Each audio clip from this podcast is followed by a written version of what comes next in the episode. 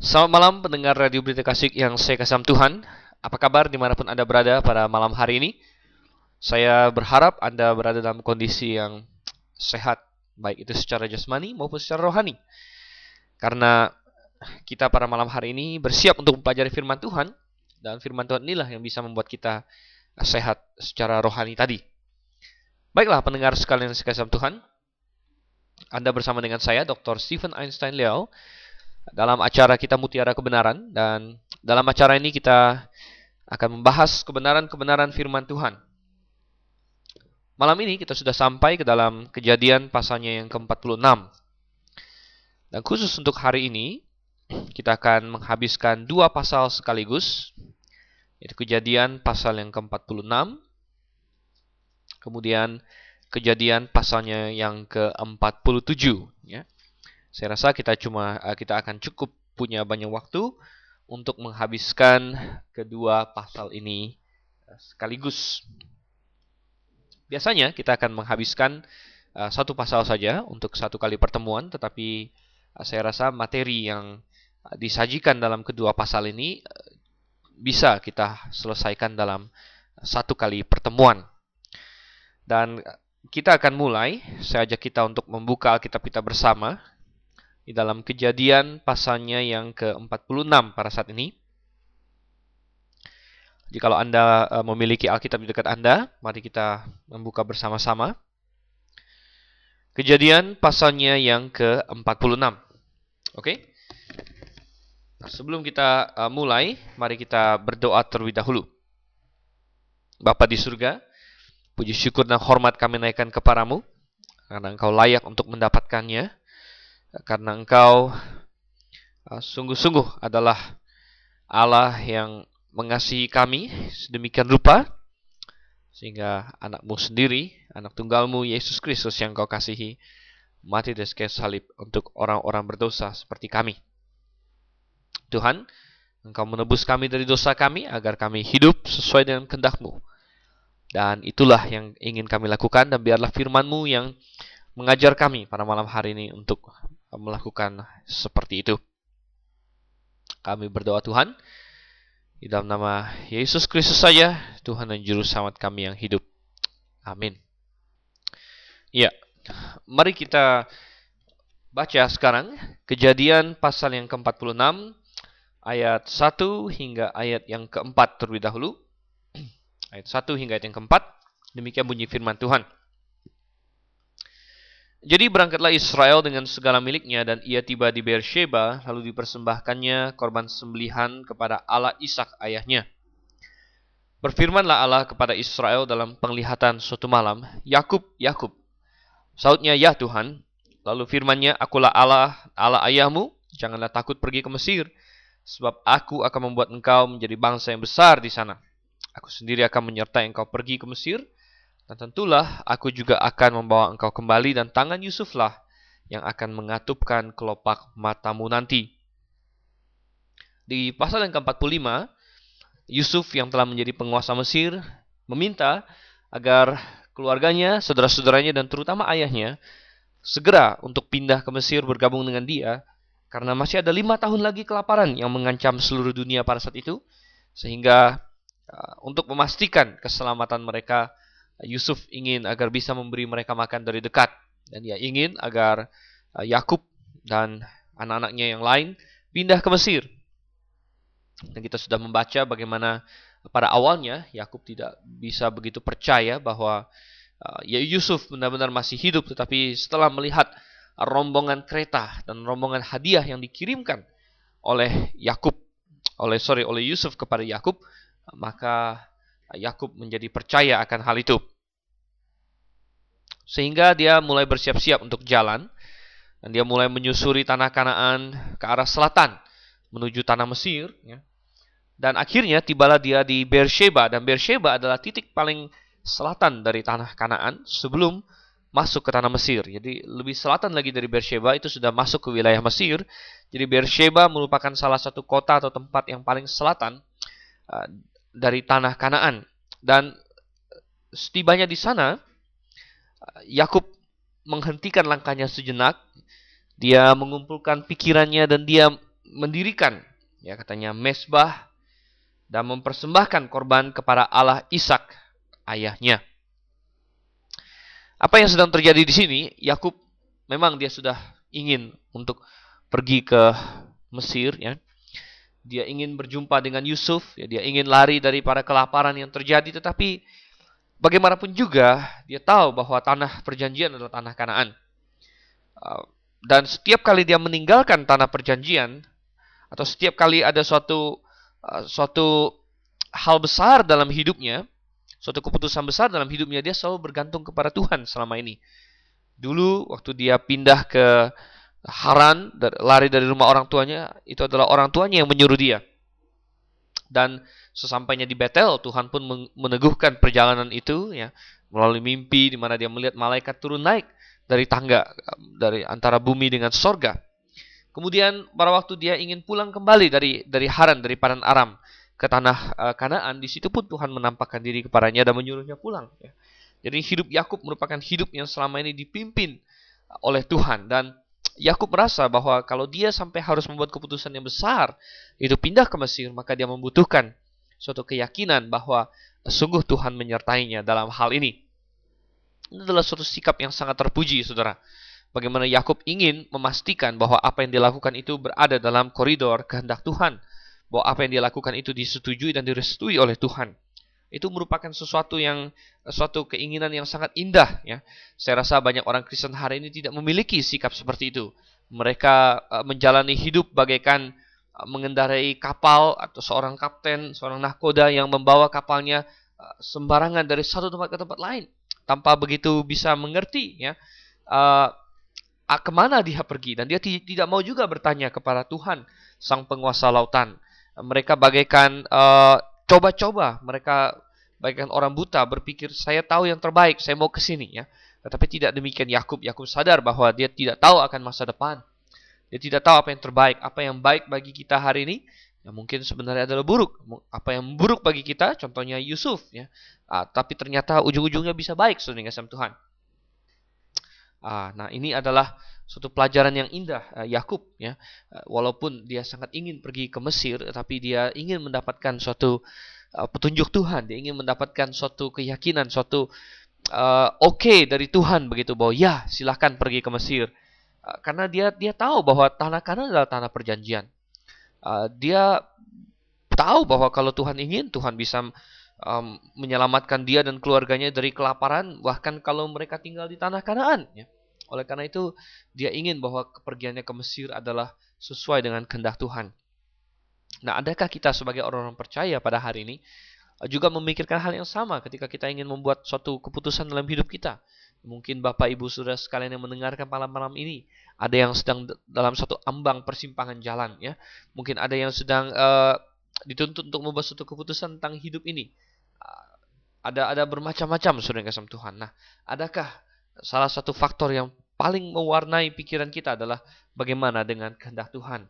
Adakah kita mencari kehendak Tuhan di atas segala-galanya? Adakah kita menghabiskan waktu untuk berdoa? Di sini kita lihat bahwa Yakub, walaupun dia sangat ingin melihat Yusuf, tapi dia tidak sedemikian tergesa-gesa sampai dia melupakan Tuhan. Tidak, oh sebaliknya, dia berhenti sejenak di Beersheba. Selangkah lagi dia akan keluar dari tanah Kanaan dan masuk ke tanah Mesir. Namun dia ingin mendapatkan suatu kepastian yang uh, tidak lain bahwa Tuhan berkenan atas apa yang akan dia lakukan. Dan saudara yang kasih Tuhan, Tuhan tidak pernah mengecewakan orang-orang yang sungguh-sungguh rindu untuk mengetahui kehendaknya. Ya. Tuhan menyatakan kehendak kehendaknya bagi orang-orang yang eh, sungguh-sungguh mencari kehendaknya itu. Coba kita lihat satu ayat dalam Mazmur pasal 25 pertama. Mazmur 25 Ayat yang ke-12, saudara. Mazmur 25 ini 12 berbunyi, Siapakah orang yang takut akan Tuhan, kepadanya Tuhan menunjukkan jalan yang harus dipilihnya. Siapakah orang yang takut akan Tuhan, kepadanya Tuhan menunjukkan jalan yang harus dipilihnya. Tuhan rindu untuk memberitahukan kepada kita bahkan apa yang harus kita lakukan. Dan dalam kasus Yakub, dia tampil kepada Yakub dalam penglihatan. Dia memanggilnya, Yakub, Yakub katanya. Ya. Dan Allah memperkenalkan diri, akulah Allah, Allah ayahmu, janganlah takut pergi ke Mesir. Dan bahkan Tuhan memberitahu kepadanya bahwa di Mesirlah dia akan menjadi suatu bangsa yang besar katanya ya. Dan ada suatu jaminan dari Tuhan bahwa aku yang akan membawa engkau kembali dan tangan Yusuflah yang akan mengatupkan kelopak matamu nanti. Jadi saudara yang Tuhan, kita dapatkan ya Tuhan memberikan suatu lampu hijau, suatu tanda oke okay bagi Yakub untuk uh, turun ke Mesir, untuk di sana dia bisa uh, bertemu dengan Yusuf, dia bisa bahkan akan uh, meninggal dalam suatu ketenangan dan akan dibawa kembali ke tanah Kanaan bahkan oleh Tuhan sendiri. Dan uh, tentu janji Tuhan itu terlaksana ketika tubuh Yakub dibawa kembali ke Kanaan tapi juga terlaksana secara nasional ketika Musa membawa keluar Israel, ya, Israel yang adalah bangsa, yang adalah anak cucu dari Israel sang pribadi Yakub. Keluar dari tanah Mesir 430 tahun kemudian. Ya, nah coba kita lihat lagi satu ayat di dalam Mazmur pasal yang ke-32 ayat 8 dan 9. Mazmur 32 ayat 8 dan 9, Aku hendak mengajar dan menunjukkan kepadamu jalan yang harus kau tempuh Aku hendak memberi nasihat kepadamu. Aku hendak memberi nasihat, sorry, mataku tertuju kepadamu. Janganlah seperti kuda atau bagal yang tidak berakal, yang kegarangannya harus dikendalikan dengan tali les dan kekang. Kalau tidak, ia tidak akan mendekati engkau. Tuhan di sini menunjukkan bahwa dia rindu sebenarnya untuk mengajar setiap anak-anaknya tentang jalan yang baik, jalan mana yang patut mereka tempuh, jalan mana yang uh, yang baik untuk dipakai dan uh, saudara yang kasih Tuhan, itu semua uh, Tuhan lakukan untuk Yakub dan tentu bagi kita juga kalau kita sungguh-sungguh ingin tahu apakah Tuhan berkenan atas suatu keputusan, uh, kita tentu akan dicerahkan oleh Tuhan. Tentu bukan dalam bentuk mimpi lagi, saudara, tapi dalam berbagai hal. Orang yang sungguh-sungguh ingin tahu kehendak Tuhan, dia akan nomor satu tentunya mencari dalam firman Tuhan. Ya. Kalau ada suatu perintah-perintah atau larangan-larangan yang sudah jelas dalam Alkitab, tentang suatu hal, misalnya ada orang ingin mencuri, dia pengen tahu apakah ini kehendak Tuhan atau tidak. Dia tidak perlu susah-susah, dia tinggal membuka Alkitab, di situ ada perintah jangan mencuri. Maka seharusnya eh, itu sudah menjadi suatu hal yang jelas, tidak perlu lagi dia menunggu kapan saya mimpi. Kapan Tuhan menampakkan diri sama saya, kasih tahu saya boleh boleh mencuri atau enggak. Itu tidak perlu karena apa? Firman Tuhan sudah jelas menyatakan tentang hal itu.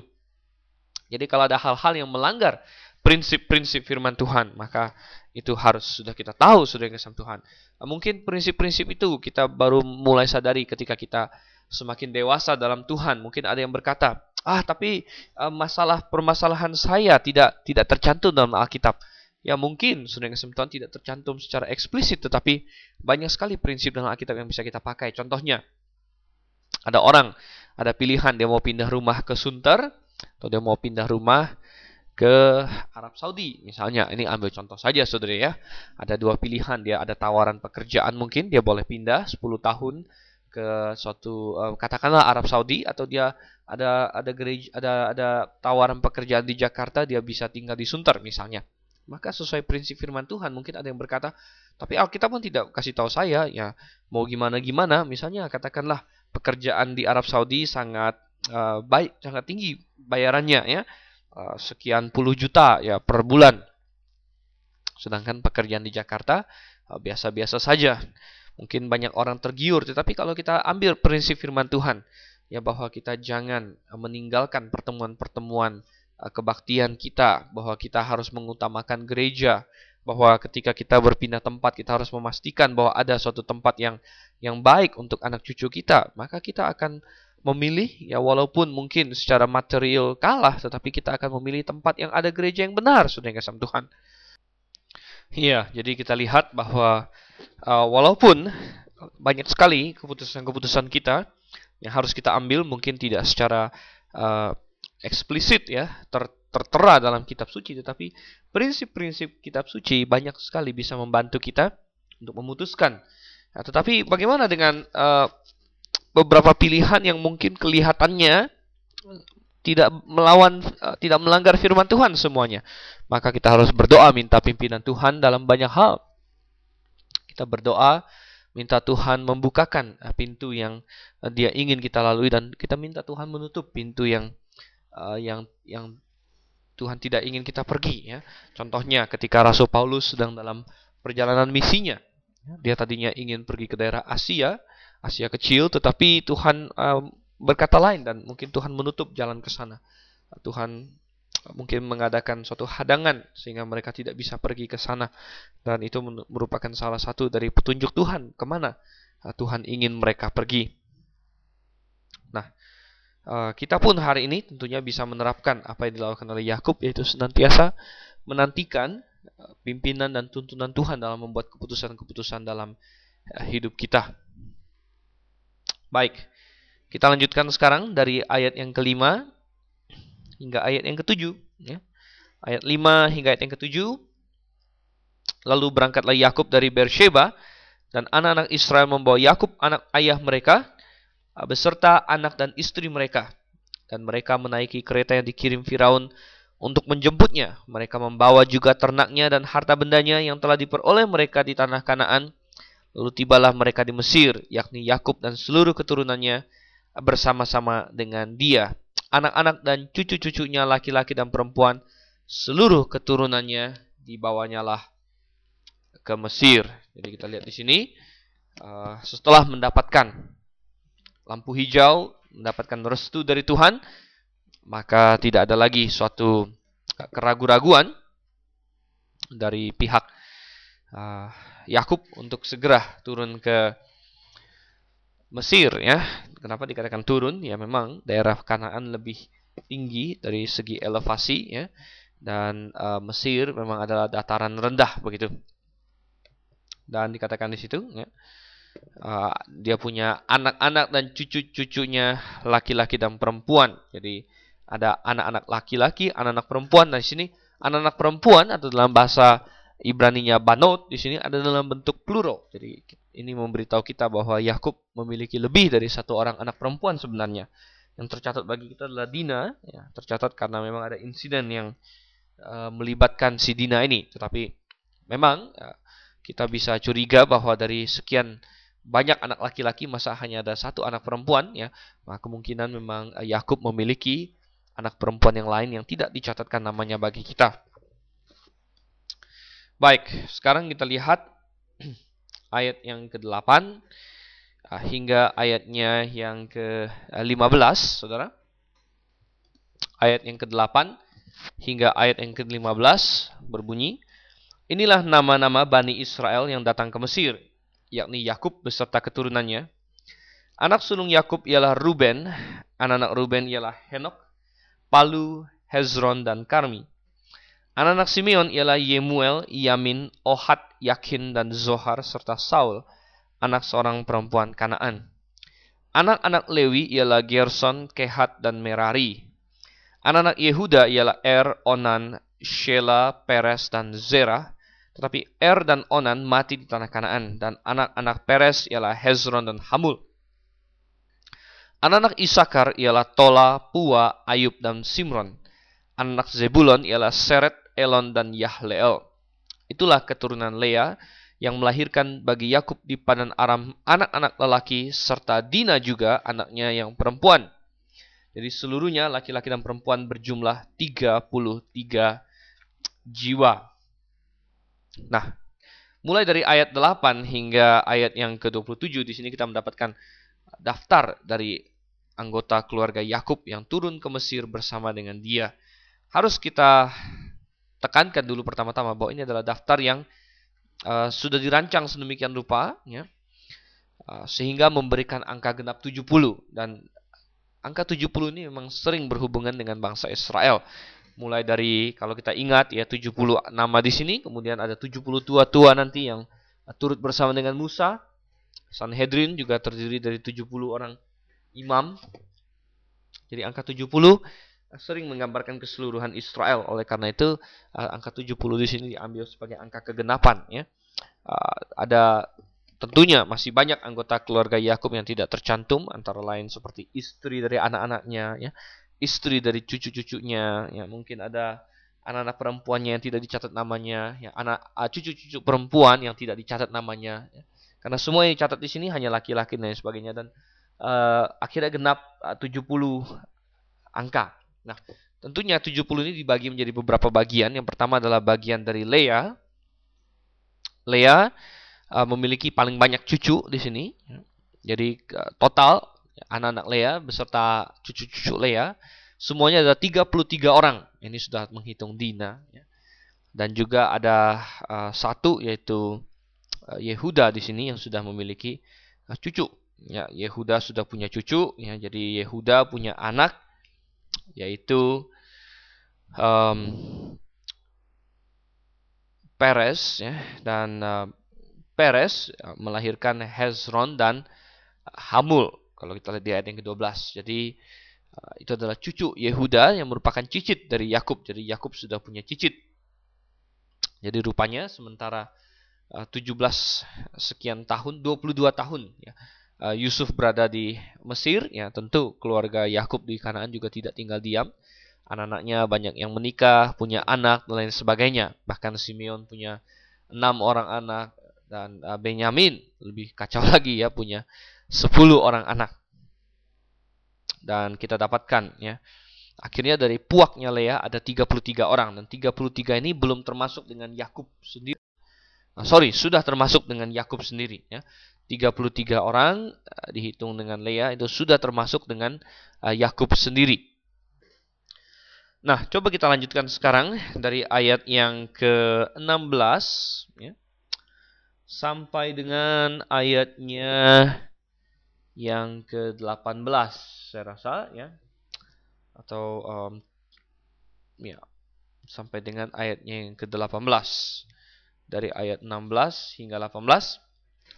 Anak-anak Gad ialah Zifion, Hagi, Shuni, Esbon, Eri, Arodi, dan Areli Anak-anak Asher ialah Yimna, Yiswa, Yiswi, dan Beria.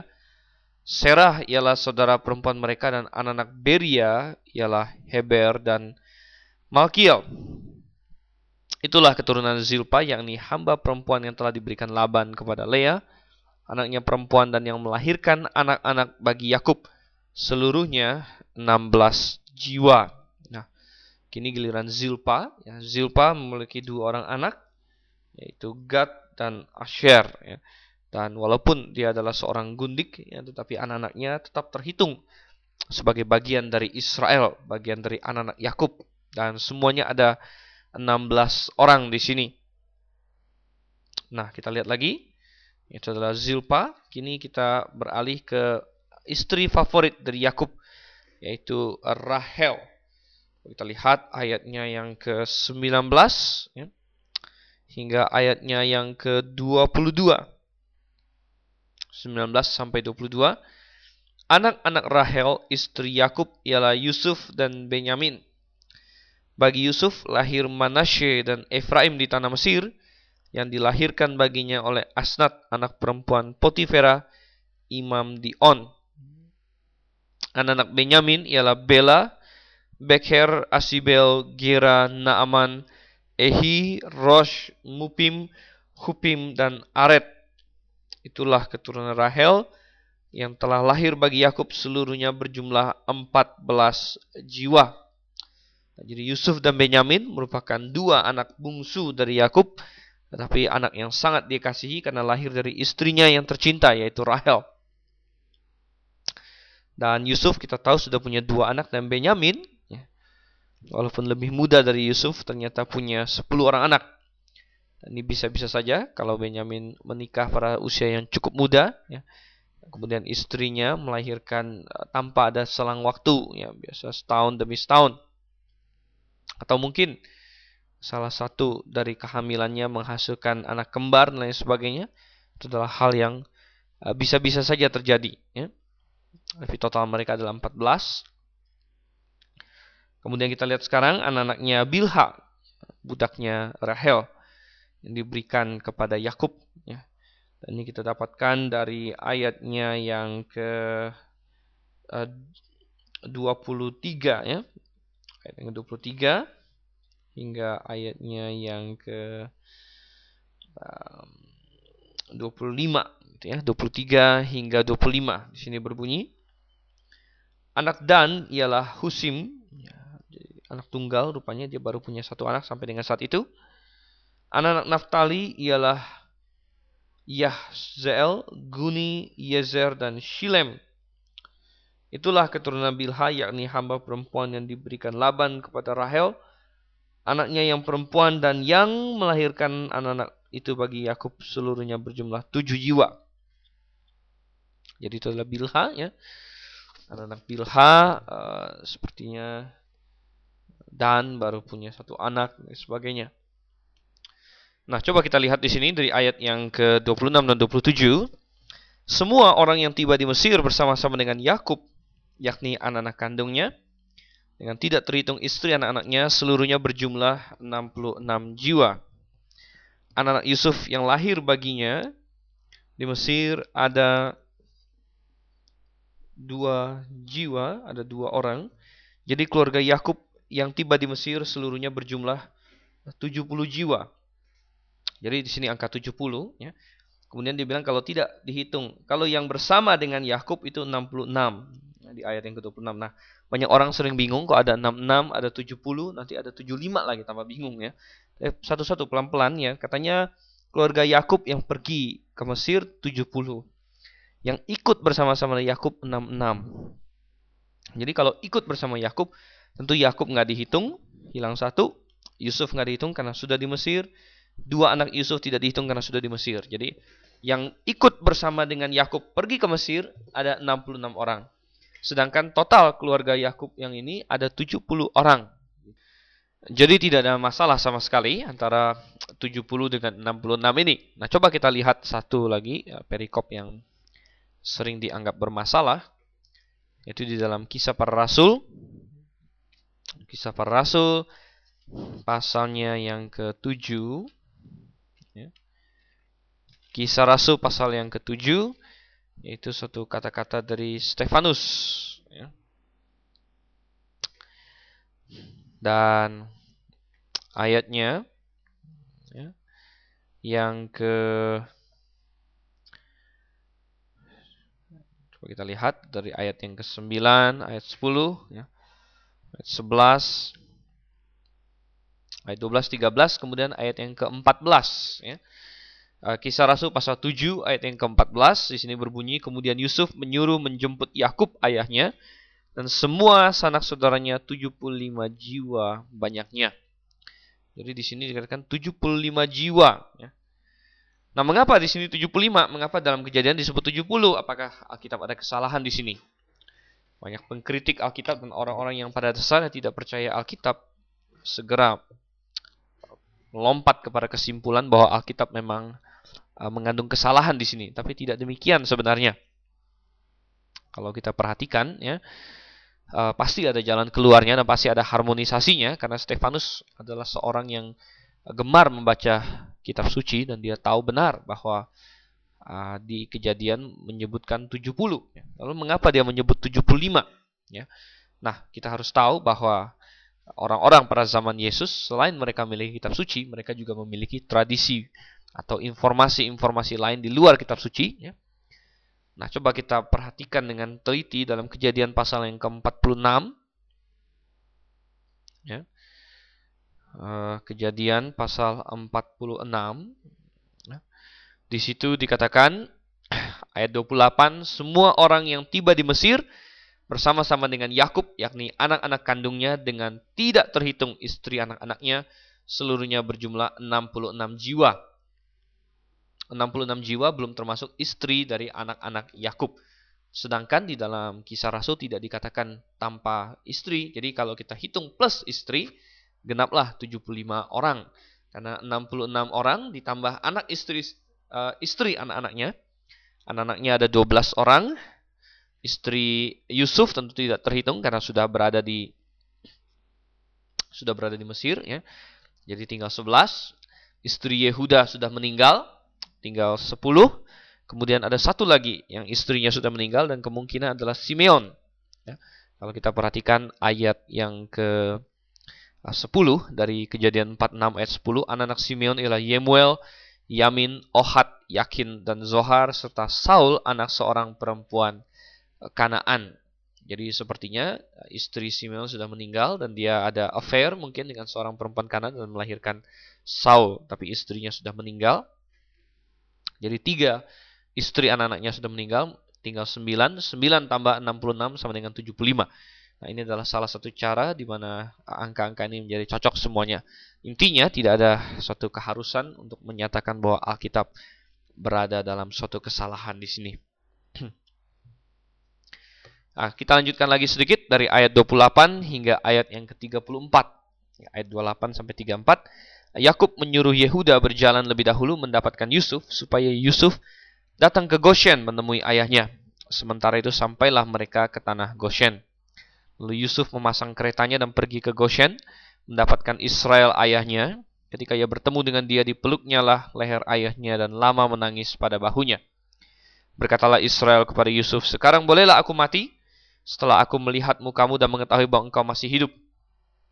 Kemudian berkatalah Yusuf kepada saudara-saudaranya dan kepada keluarga ayahnya itu, Aku mau menghadap Firaun dan memberitahukan kepadanya, saudara-saudaraku dan keluarga ayahku yang tinggal di tanah Kanaan telah datang kepadaku. Orang-orang itu gembala kambing domba, sebab mereka itu pemelihara ternak dan kambing dombanya, lembu sapinya dan segala miliknya telah dibawa mereka. Apabila Firaun memanggil kamu dan bertanya, apakah pekerjaanmu? Maka jawablah, hamba-hambamu ini pemelihara ternak sejak dari kecil sampai sekarang, baik kami maupun nenek moyang kami. Dengan maksud supaya kamu boleh diam di tanah Goshen. Sebab segala gembala kambing domba adalah suatu kekejian bagi orang Mesir. Akhirnya mereka sampai ke Mesir, dan uh, sesampainya di Mesir, Yakub mengutus Yehuda untuk menyuruh Yusuf datang menghadap dia. Dan ini memang sesuai dengan kebiasaan bahwa Uh, Yusuf sebagai anak haruslah yang datang menjemput ayahnya, bukan ayahnya yang datang pergi kepada Yusuf. Tapi menarik sekali di sini bahwa yang dijadikan juru bicara atau dijadikan perwakilan dari Yakub adalah Yehuda, bukannya Ruben, bukan Simeon, bukan Lewi, tapi Yehuda. Dan ini sudah menunjukkan kepada kita sedikit banyak uh, siapa yang telah dipilih oleh Yakub untuk menjadi penerus dirinya. Tentunya itu semua adalah karena Yehuda telah menunjukkan diri sebagai orang yang paling beriman, yang paling cocok untuk menjadi penerus dari berkat-berkat mesianik. Uh, terus terang di dalam Alkitab sendiri, ya tidak banyak disebut bahwa anak sulunglah yang dipilih menjadi jalur Mesias, bahkan sering kali bukan anak sulung. Ya, kita tahu bahwa uh, Ishak bukan anak pertama dari Abraham, dia punya Ismail terlebih dahulu. Kita lihat Abraham sendiri bukan anak sulung, dia punya kakak yaitu Haran dan Nahor ya.